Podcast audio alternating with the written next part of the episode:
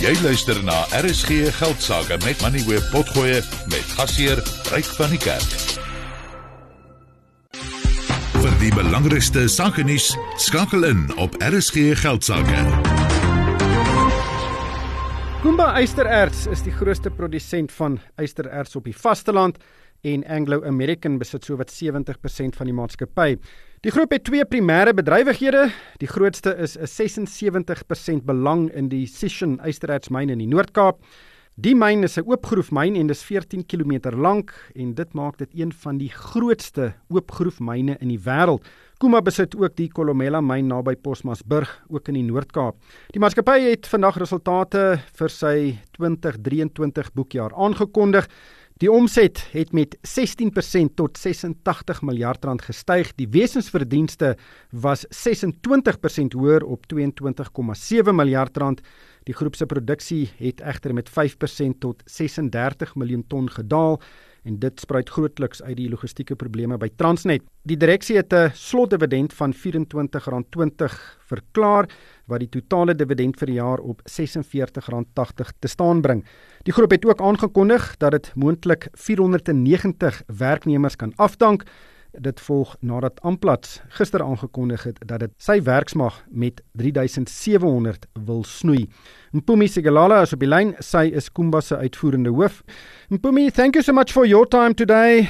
You have announced a restructuring process that will affect nearly 500 people, yet your profitability rose by around 26%, which is significant. Can you put this into context? Clearly, you've highlighted the results. I think, in addition, just a couple of things. We saw an improvement in our safety performance, which is always something that we essentially look at. But another point that we highlighted was the fact that we actually had to slow down production in the fourth quarter. And the reason why was because we found ourselves sitting at unprecedented levels of our product stockpiles, which rose up to 9 million tons. And the reason why we slowed down production was because we needed to realign and rebalance our value chain as a result of logistics performance. So the reason for us to initiate a Section 189 process is not one that we've taken easily. It is a difficult one, and it will be a challenging period for our teams. The two key reasons why we are looking at this is simply because where we sit at the moment, our operations are outperforming the logistics network. And that's where we found ourselves with increasing levels of our product stockpiles. And we do need to rebalance the value chain as we reconfigure our business. We started this work last year and we started with other elements of the business. So we had a look at our mine plans and readjusting those. And we had, had a look at other structural cost reductions across the business.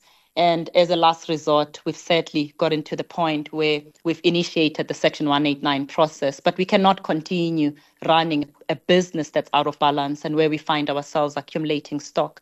I've got to say that that does not mean that we don't believe in the turnaround that's been driven by the National Logistics Crisis Committee. What we recognize is the fact that the right work is being done, but that the results will take some time to translate into a space where we'll get back to levels where we'll find ourselves having more than 40 million tons of logistics capacity. Clearly, the second reason is because when your value chain is out of balance, it actually means that you continue spending money that you don't need to spend because your business will be designed to deliver more than 40 million tons of iron ore, but your logistics will be constrained to the figures that we've guided. I think that's the sad reality because if Transnet can ship more, you can expand your operations. But you've given guidance about future production levels, which remain relatively static at around 37 million tons. So, can we deduce that you don't expect over the next few years there will be a significant increase in the efficiencies at Transnet, even under Michelle Phillips?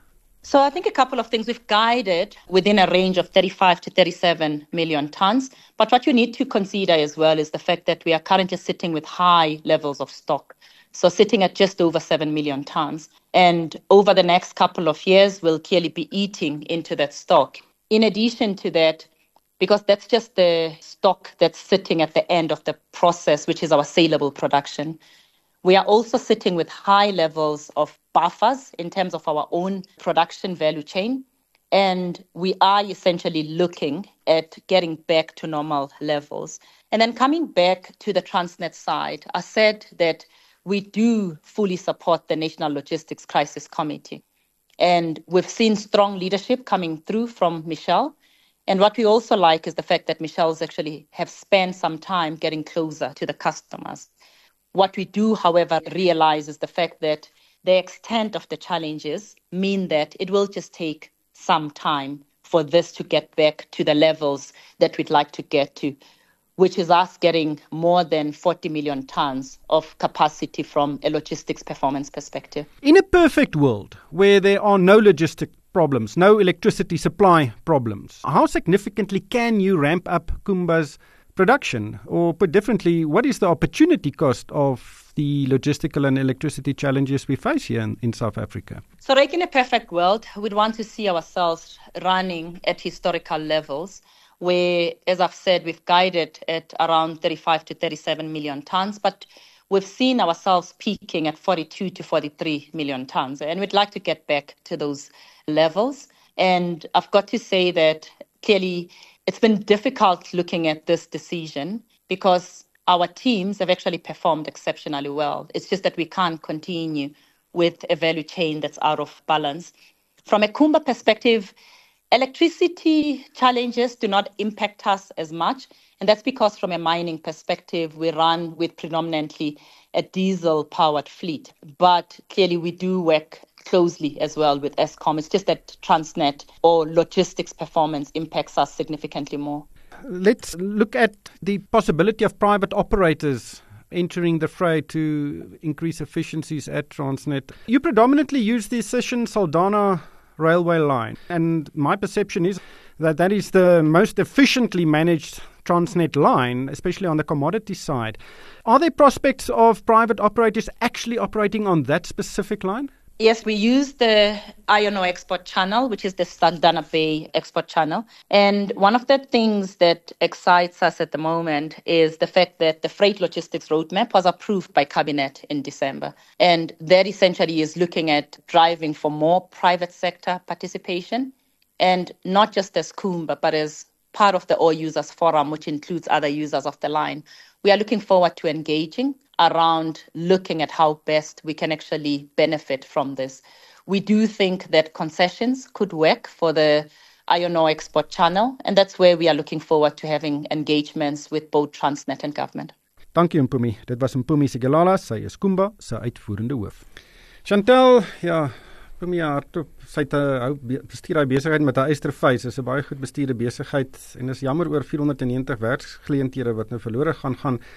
Ehm um, maar nog steeds ondanks die probleme regtig goeie finansiële resultate. Ja, die eisterhartsprys het verskriklik mooi ehm um, het, het mooi hoog gebly terwyl meeste ander kommoditeitspryse onder druk gekom het en natuurlik die produk wat uit Kumba se myne uitkom is van so gehalte dat hulle nog meer as die standaardprys ook kry vir hulle produk. So ek dink daai het hulle baie gehelp. Natuurlik kon dit nog beter gewees het as hulle meer eisterarts kon eisterarts kon uitvoer en ek dink deel van hoekom hulle die afdankings doen is die probleme by Transnet wat hulle gaan keer om om daai deur te voer. Ja, die aandeleprys uh die afgelope 6 maande 43% op en as ek so vinnig gesom in my kop maak, die dividendopbrengs op hierdie 42 rand ehm um, dividend wat hulle verklaar het, is baie naby aan 9%. Uh, mens moet nie daai dividend onderskat nie.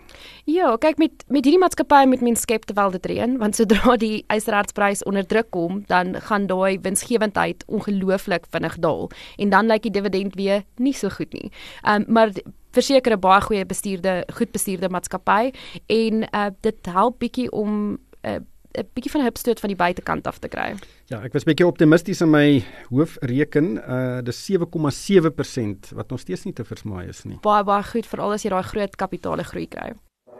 Jy het geluister na RSG Geldsaake met Money where potgoe elke weeksdag om 7 na middag. Vir meer Money where potgoe, besoek moneyweb.co.za of laai die toepassing af en volg Moneyweb News om dagliks op hoogte te bly.